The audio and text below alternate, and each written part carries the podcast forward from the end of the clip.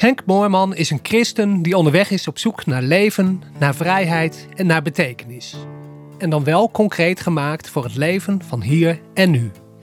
In deze podcast beluister je preken van hem, waarin hij graag met je deelt wat bijbelteksten hem hierbij te zeggen hebben, wat hij in zijn eigen leven heeft ontdekt en wat hij van anderen heeft opgestoken. Laat je inspireren bij je eigen zoektocht en ervaar de vrede van God. Wil je contact opnemen? Mail naar hcmoorman.outlook.com.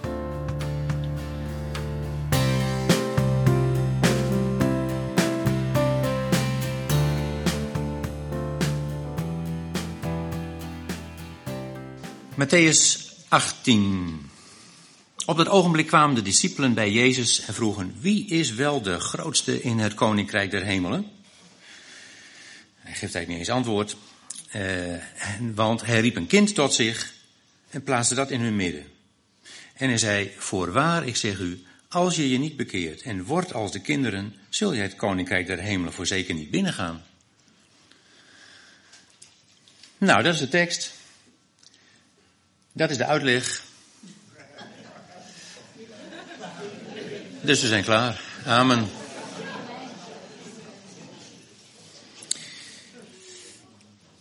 Nou, misschien voor de cd-luisteraars, van die zien het plaatje natuurlijk niet. Nog wat toelichten. Je ziet uh, een, een, een, kind van een maand of twee à drie. Uh, en als je denkt dat het mijn kleinkind is, dan heb je nog gelijk ook. Maar daar moet je maar even aan voorbij zien, want ik heb geen andere foto's digitaal en al van voorhanden van kleine kinderen. Dus ik heb deze maar genomen. Nou, dat was ook niet helemaal toevallig. Deze foto hebben wij als, uh, hoe noem je dat, op het bureaublad van onze computer.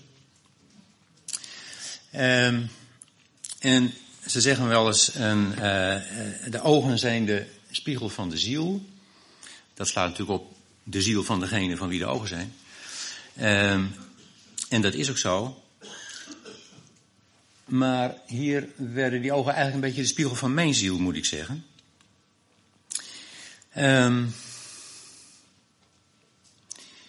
Jezus zegt, als je mijn koninkrijk wil binnengaan, dan zul je moeten worden als een kind. Als antwoord op de vraag, wie is wel de meeste in dat koninkrijk? Ze gingen er al vanuit dat ze erin waren. En Jezus zegt, ijskoud, uh, daar hoeven we niet eens over te hebben jongens, want jullie moeten eerst al naar binnen gaan. En wil je dat? Ja, natuurlijk willen we dat graag. Nou, dan moet je worden als een kind. Hoe kan dat nou? Want ja, wie opnieuw geboren is, uh, uit God geboren is, die is toch zeg maar, van boven geboren. Ja, dat klopt. Je hebt je wortels in het koninkrijk. Het is je geboortegrond. Het is je beloofde land. En toch is er, blijft er dan nog een vraag. En ben je daar ook ingegaan? Ben je werkelijk ingegaan in dat koninkrijk? Dan is blijkbaar nog iets anders. Want Jezus zegt het niet. Je zou verwachten dat Jezus zoiets zegt tegen de fariseeën. Hè? Die weer met alle moeilijke vragen komen. Dat Jezus zegt, jongens, hoezo, je bent niet eens in het koninkrijk. Nee, tegen zijn discipelen hè? zegt hij dat. Ja, en Matthäus 18, hè? dus niet helemaal aan het begin van zijn roeping, maar hij is al een tijd met ze onderweg. Willen jullie erin gaan, jongens, dan moet je worden als een kind. Ja. Nou ja, is dat is dat gelukt? Is dat mij gelukt? Nou ja, ik denk dat lukt je na de mate dat je erin slaagt om kind te worden of weer kind te worden. En op een gegeven moment sprak mij dit aan en ik zei al, op een gegeven moment werden die ogen eigenlijk de spiegel van mijn ziel, omdat ik ja, mij afvroeg hoeveel heb ik nog van wat dit kind heeft. Hoeveel ben ik daarvan kwijt? Hoeveel heb ik er nog van? Of hoeveel heb ik er alweer van? Um, want als ik naar dit kind, naar het kind hè, kijk, um, ja, dan zie ik een wezen wat zo onbevangen is en zo argeloos. Um, en arg is erg, is kwaad, hè? Zonder enige vorm van kwaad. Maar zo onbevangen ook. Totaal niet voorgeprogrammeerd naar aanleiding van ervaringen. Want dat is natuurlijk wat, ja, naarmate je groeit en volwassen wordt, mensen doen allerlei ervaringen op en die maken dat je op een, op, een bepaalde manier in het leven staat. En dat je denkt, oeh, daarvoor moet ik me wapenen. Of, oh, als ik zo reageer, dan uh, levert dat zo'n reactie op. Als ik innemend ben, als ik anderen voor mij win, dan uh, levert dat iets positiefs op. Nou, ik denk dat iedereen van zichzelf weet dat je in een of meer opzichten zo'n soort programmaatje in jezelf hebt. Uh, wat maakt dat je op een bepaalde manier doet. Als ik lekker gek doe, als ik een beetje uh, uh, de clown uithang, de lachers op mijn hand krijg. Nou jongen, dan, dan hoor ik er helemaal bij. En sommige mensen worden op laatst een karikatuur van zichzelf. Ik zat een paar dagen geleden met zo iemand aan tafel ergens. Dat je denkt, joh, ben je zelf gebleven? Je bent alleen maar met iemand die grappige, leuke opmerkingen maakt. Ironisch, cynisch ook. Waar ben je zelf gebleven? Nou, dat kan heel extreem zijn, maar dat hoeft niet. Bij de meesten is het niet zo extreem, maar zit er wel iets in je wat geprogrammeerd is en maakt dat je in zo'n situatie zo reageert. Of daar al op een bepaalde manier in staat. Of dat je zegt, nou ja, ach weet je wat, ik verwacht maar niks, dan kan ik ook niet teleurgesteld worden. Dat is altijd de veiligste weg. Nou, zo zijn er een hele hoop manieren waarin je ver bent afgeraakt van een kind. Maar die heeft het nog helemaal niet. Die treedt elke situatie nieuw, onbevangen tegemoet. Kijken wat dit is. Kijken hoe die persoon is. Want je hebt natuurlijk ook ten aanzien van personen al, nou ja, behoorlijk wat opgeslagen dat je denkt, oh die, oh die, nou ja, dat weet ik wel, die zit zo in elkaar. Of die zal wel zo reageren. Of als hij dat zegt, dan bedoelt hij eigenlijk dat. En daar ga je, nou ja, zo wordt het leven ingewikkeld. Totaal onbevangen, totaal argeloos. Geen verdedigingsmechanisme. En naarmate je ouder wordt, heb je wel geleerd dat je af en toe klappen oploopt in het leven. En dat het dus wel handig is om je daartegen te verdedigen. Bijvoorbeeld om jezelf maar vooral niet te laten zien. Hè? Dat is een heel bekend verdedigingsmechanisme. Ja. Waardoor de binnenkant en de buitenkant behoorlijk gaan verschillen. En dat wringt. En dat kost een hoop energie. Niet in je laten kijken. Of denken, weet je wat, ik klaar het in mijn eentje wel. Als ik zorg dat ik niemand nodig ben, dan ben, dan ben ik kwetsbaar. Dan ben ik onaantastbaar. Dat is je verdedigingsmechanisme dan. Nou, en als ik naar de ogen van zo'n kind kijk, dan denk ik, ja, hoe ver sta ik van die argeloosheid af? Hoeveel heb ik daar nog van weten te bewaren? Of heb ik daarvan intussen alweer mijn eigen weten te maken? Als ik naar die ogen van zo'n kind kijk, dan zie ik ook een totaal onbevooroordeeld. Geen enkel oordeel. Kind kijkt naar de wereld zoals die wereld is, zonder één oordeel. Niet het oordeel dat je naar dingen kijkt met het oog van, oh dat is goed of dat is niet goed. Dat is nuttig of nee, daar heb ik niks aan. Dat is oorbaar dat, dat kan ermee door, dat kan door de beugel, of dat is eigenlijk niet oorbaar, dat hoort iemand eigenlijk niet te doen. Allemaal oordelen, oordelen, oordelen. Onbevooroordeeld. Bij zo'n kind krijg je absoluut niet het gevoel dat je zelf kritisch bekeken wordt. Hè? Je krijgt absoluut niet het gevoel dat je kritisch bekeken wordt. En dat is zo sterk. Dat is zo ongelooflijk sterk. Weet je waar je dat dan ziet? Moet je kijken hoe volwassenen gaan doen in de nabijheid van zo'n kind. Die gaan opeens raar doen, joh. Die gaan opeens een octaaf hoger praten. Beginnen zelf een beetje te kraaien. Beginnen babytaal uit te slaan. Uh, ga naast zo'n kind, uh, ik zelf ook hoor, ga naast zo'n kind op de grond liggen. Nou, als je dat los van zo'n kind iemand zo zou zien doen, dan zou je zeggen, nou, dit, is echt iets mis mee hoor. Ja. En dat gebeurt ook niet. Iedereen laat het wel uit zijn hoofd. Want iedereen denkt, ja, als ik dat ga doen, dan zullen wat zullen ze wel niet denken van... Uh... Maar tegenover zo'n kind. Geen enkel gevoel van oordeel, geen enkel gevoel van, ik word kritisch bekeken. Zo sterk is dat. Het totaal ontbreken van oordeel. Totale onschuld, ik zei al, argeloos. Geen enkel besef van kwaad. Niet van zichzelf, dat er iets kwaads in het kind zou zitten. Maar ook niet kwaad toerekenend, kwaad denkend van iemand. Argeloos. Helemaal onschuldig. Nou, hoeveel heb ik daar nog van? Dat ik kan zeggen, ik ben echt helemaal onschuldig. Dat dat een levend besef in me is. Niet een theorie. Hè? In Romeinen zoveel, zoveel staat dat wij enzovoort. En dat weten we dan. Nee, maar dat dat een levende werkelijkheid voor me is. Dat dat besef van. Ik zou niet weten wat er is. Ik kan iedereen recht aankijken, ik kan God recht aankijken. Ik weet dat Hij zo naar mij kijkt. En dat is wel belangrijk hoor. Dat is wel belangrijk. Dat, dat ik ook weet, er is, er is niks meer op te ruimen. Tussen mij en iemand anders. Er is niks meer goed te maken. Er is niks meer wat ik nog zou kunnen of moeten verzoenen. En dat steekt best nauw, hè. Mariet heeft het daar de vorige keer over gehad. Eh, op een hele persoonlijke en hele duidelijke manier. Uh, ja, het is zaak om te wandelen in het licht. Wat dat betreft. Nou, heb ik nog die onschuld die zo'n kind heeft. En zo'n kind dat kijkt, maar wat het niet doet, is door de ogen van een ander naar zichzelf kijken. Helemaal niet. Oh, en dat is, kan een gevangenis zijn, hè? Dat kan een dwangbuis zijn voor mensen, dat je door de ogen van een ander naar jezelf kijkt. En dan denkt, oh, dit is niet goed, en dat is niet goed, en dat moet anders. En ze zullen daar wel dit van vinden. En, en je daar je gedrag op gaat aanpassen. Voor een kind is voldoende, zeg maar, de ogen van de vader, de ogen van de moeder, die uitstralen, jij bent, jij bent mijn beminde. Dat is voor een kind voldoende. En daarbij valt al het andere weg, valt in het niet. Bij die ogen van die vader, van die moeder, die zeggen, die uitstralen, want wat verstaat zo'n kind nog niks, die uitstralen, jij bent goed zoals je bent. Je bent waardevol zoals je bent. Daar hoeft niks aan te veranderen. En vanuit die basisveiligheid kun je als kind, kun je als mens geloven dat andere mensen ook zo naar je kijken.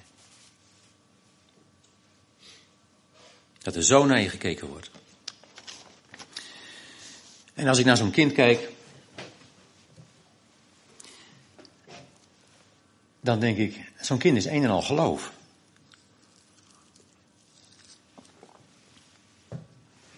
Dan denk je, een en al geloof, hoe kan het nou? Het kind weet überhaupt nog niks van geloof, weet überhaupt niks van God, weet überhaupt van geen Bijbel.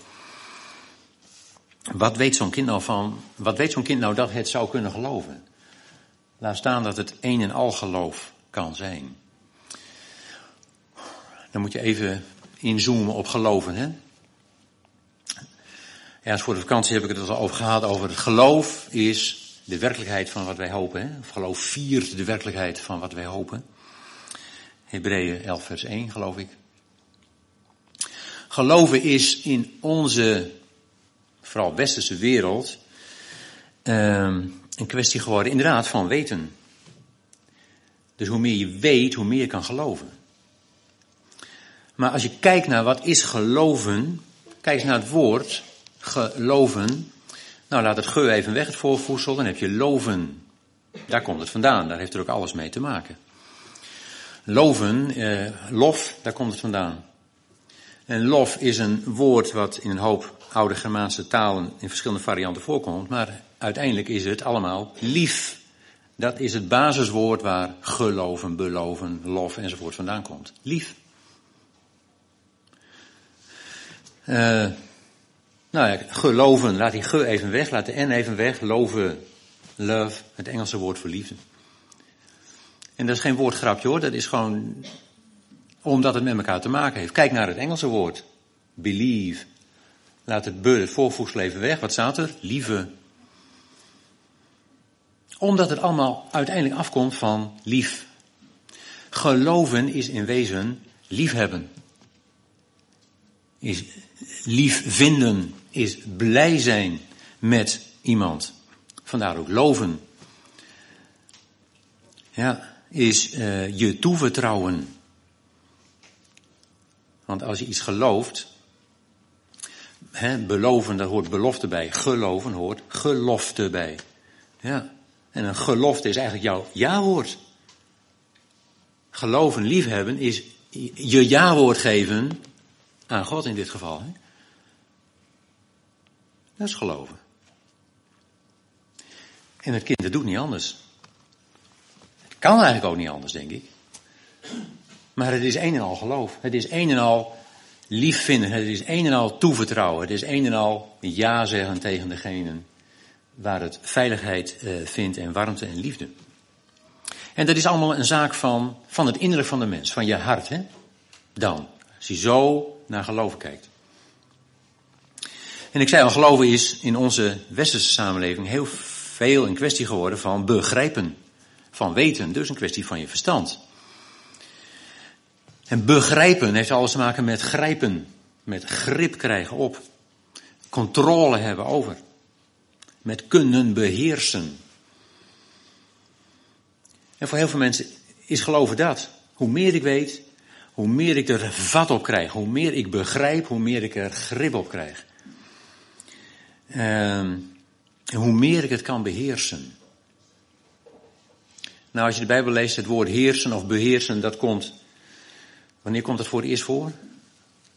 Meteen na de zondeval, hè? Ja. Uw verlangen zal naar uw man uitgaan en hij zal over u heersen. Daar kom je het woord heersen voor de eerste keer tegen. Het hoort dus niet thuis in het paradijs. Het hoort niet thuis in het koninkrijk van God. Heersen. En ik denk dat die manier van met geloof omgaan uiteindelijk uh, ons niet uh, verder brengt. Het is een illusie, denk ik hoor, uh, om te menen dat als je, naarmate je steeds meer en steeds nauwkeuriger alles over God weet en hem meer en beter kan verklaren, dat je hem daardoor beter leert kennen. En dat je daardoor meer leven krijgt. Want dat zit natuurlijk behoorlijk diep in onze genen. Hè? Kennis is macht. En door, naarmate je meer kennis hebt, kun je er meer vat op krijgen en kun je er meer mee. Kom je er verder mee. En, en op die manier kunnen wij ons God eigen maken. Ja, maar in die zin laat God zich niet eigen maken, denk ik.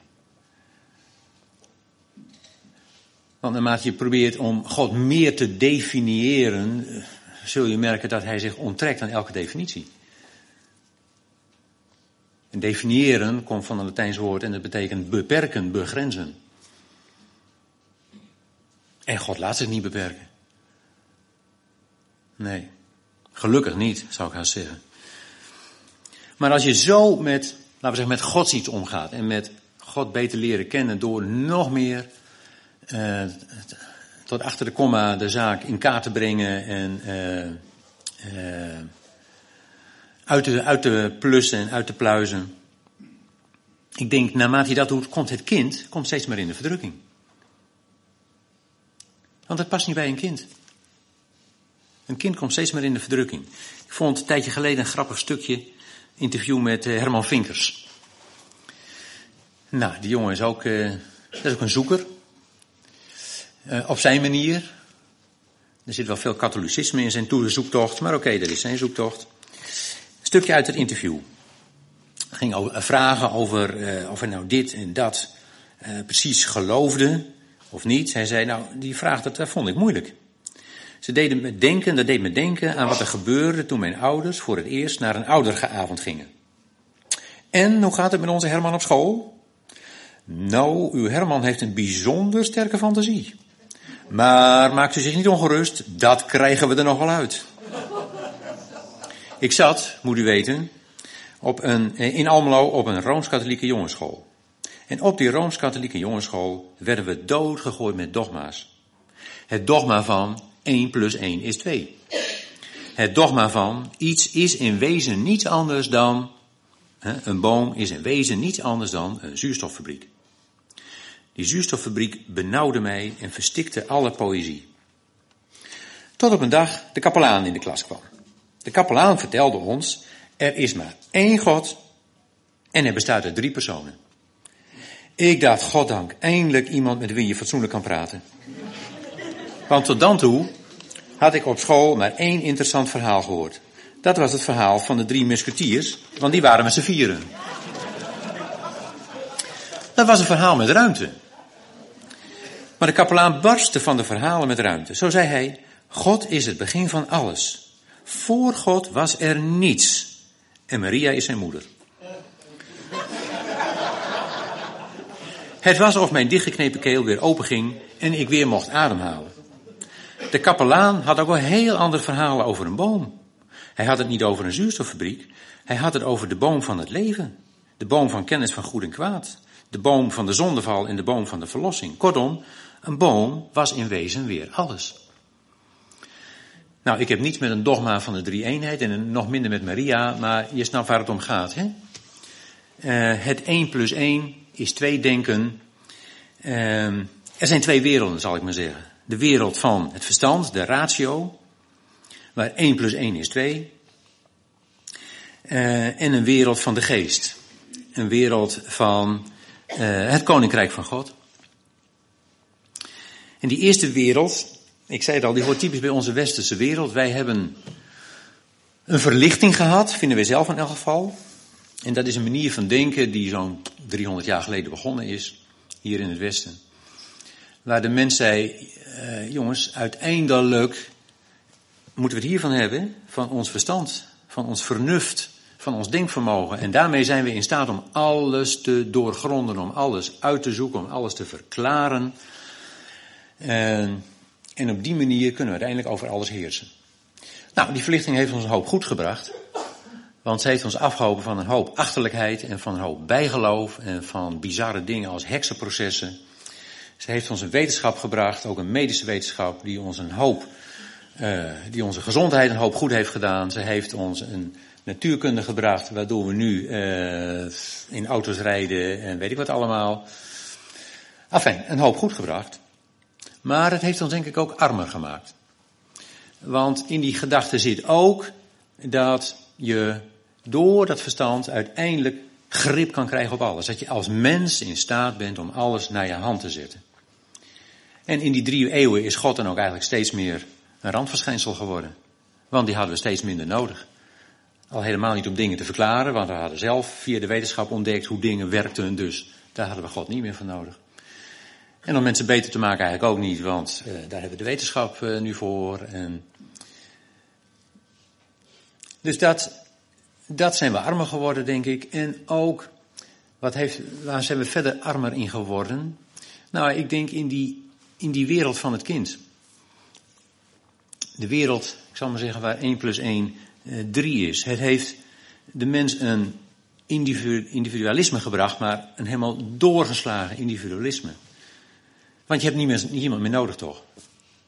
Dus je hebt de ander ook niet meer nodig. Dus ieder voor zich. En mensenlevens in zichzelf zijn ook helemaal gefragmenteerd geraakt. In stukjes uiteengevallen. Ja. Want, heeft de mens bedacht, hoe komen we achter de waarheid? Door dingen steeds verder in kleine onderdelen uiteen te leggen. Op zoek naar het geheim van het leven door elementen, uh, materie, steeds, steeds kleinere eenheden uiteen te leggen, want we zullen er een keer achter komen, het geheim van het leven. Ja, en dan heb je die andere wereld van Koninkrijk van God, die daar precies tegenover staat. En God die zegt, weet je wat het geheim van het leven is? Bijeenbrengen. Niet steeds verder in stukjes uiteen, maar ik ga van die puzzel, ga ik één geheel maken. En als jouw leven een puzzel is waar de stukjes van het één liggen, ik ga weer dat allemaal samenvoegen en daar ga ik één geheel van maken. Dat hoort bij het koninkrijk van God. Want daar is een hele andere verlichting. Het waarachtige licht dat alle mensen verlicht. Jezus. Die is daar de maat der dingen. En daar hoor je hele andere dingen. Ja. Daar is 1 plus 1 niet 2. Uh, daar is één, uh, uh, één drum en één bas en een gitaar en een piano en een fluit is, 1 plus 1, is niet 5 instrumenten. Het is een orkest. Het is muziek. Het is uh, leven. Het is. Dat is 1 plus 1 plus 1 plus 1 plus 1 in dit geval. Uh, dat is de wereld waar God niet gedefinieerd is, maar waar God, mooi stukje van uh, Stef Bos, God is de wind, God is de wolken, God is de zee, God is die uitgestrekte aarde. ja, voor het verstand waanzin. Joh, wat bazel je nou? Is hij nou de zee of is hij nou het land? He? Allebei tegelijk kan niet. Nee. Nee, dat is een andere wereld. Dat is de wereld van het Koninkrijk van God. Dat is de wereld van het kind. Het aparte is, dit stukje van word als een kind, wil je het, überhaupt het Koninkrijk binnengaan, dat vind je bij Matthäus, dat vind je bij Lucas, dat vind je bij Marcus, maar niet bij Johannes. En ik denk dat verbaast mij ook niet, want Johannes was zo'n beetje aan het eind van zijn leven toen hij zijn evangelie schreef, had al veel langer, ik zou maar zeggen, met de Heer kunnen wandelen. Uh, en je schrijft vooral de dingen op uh, die niet vanzelfsprekend zijn, waarvan je denkt, oh, moet ik onthouden, daar moet ik nog wat mee. Johannes schrijft het niet op, maar bij Johannes was één en één al geen twee meer. Johannes begint zijn evangelie met, uh, in de beginnen was het woord. En het woord was bij God en het woord was God. Uh, ja, Johannes, uh, leg even uit, het kan niet allebei tegelijk, hè? Nee, voor, ons verstand, voor het verstand niet. Maar in de wereld van het koninkrijk, in de wereld van het kind wel. Hoeveel weet, hoeveel begrijpt het kind? Nog niks. Wat gelooft het kind? Ik denk alles. Ik denk alles. Het is een en al toevertrouwen.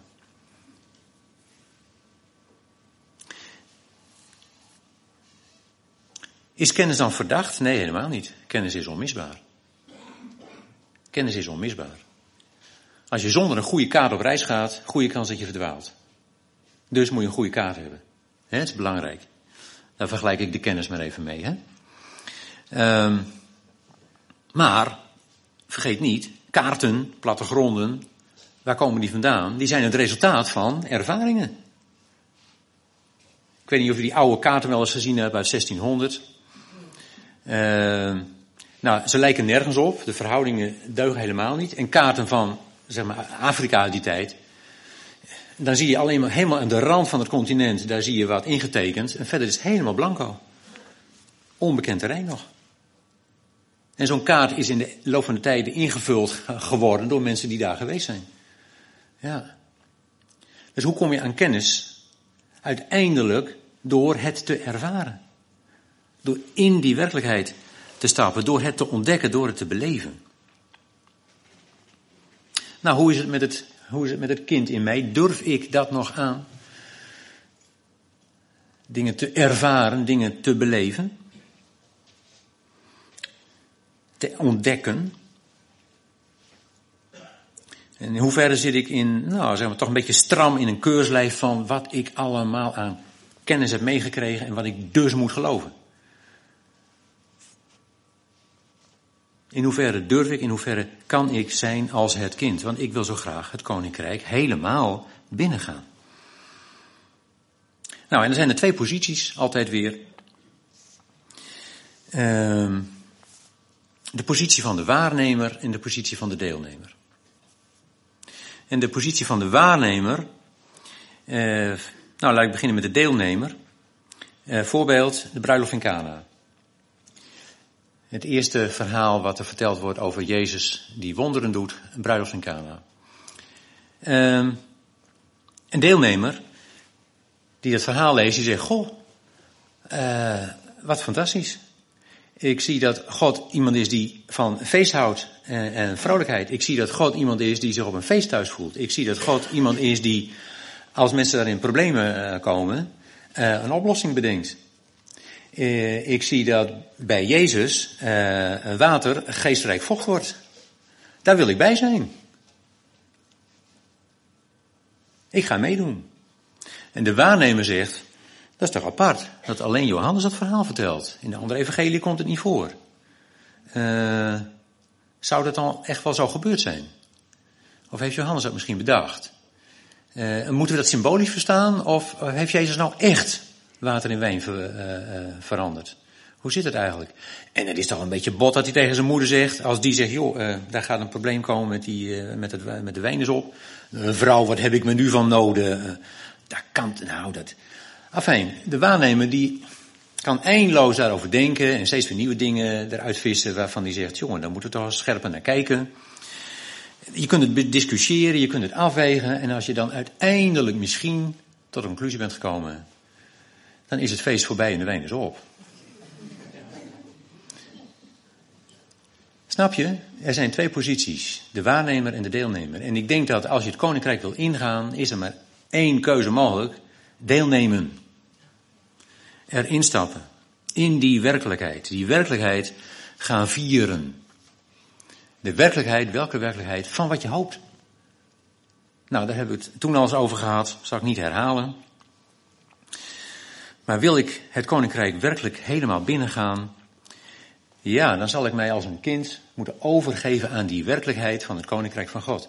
En ik weet wel, daarnaast geldt natuurlijk van wees nuchter en waakzaam. En daarnaast geldt dat wij zelf een aandeel hebben. Nou, daar wou ik vanmorgen nou eens niet de schijnwerper op zetten, want dat gebeurt vaak genoeg.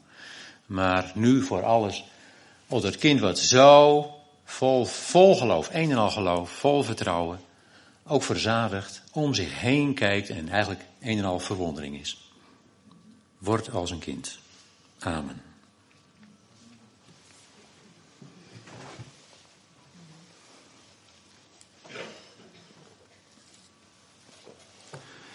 Goed, zullen we bidden?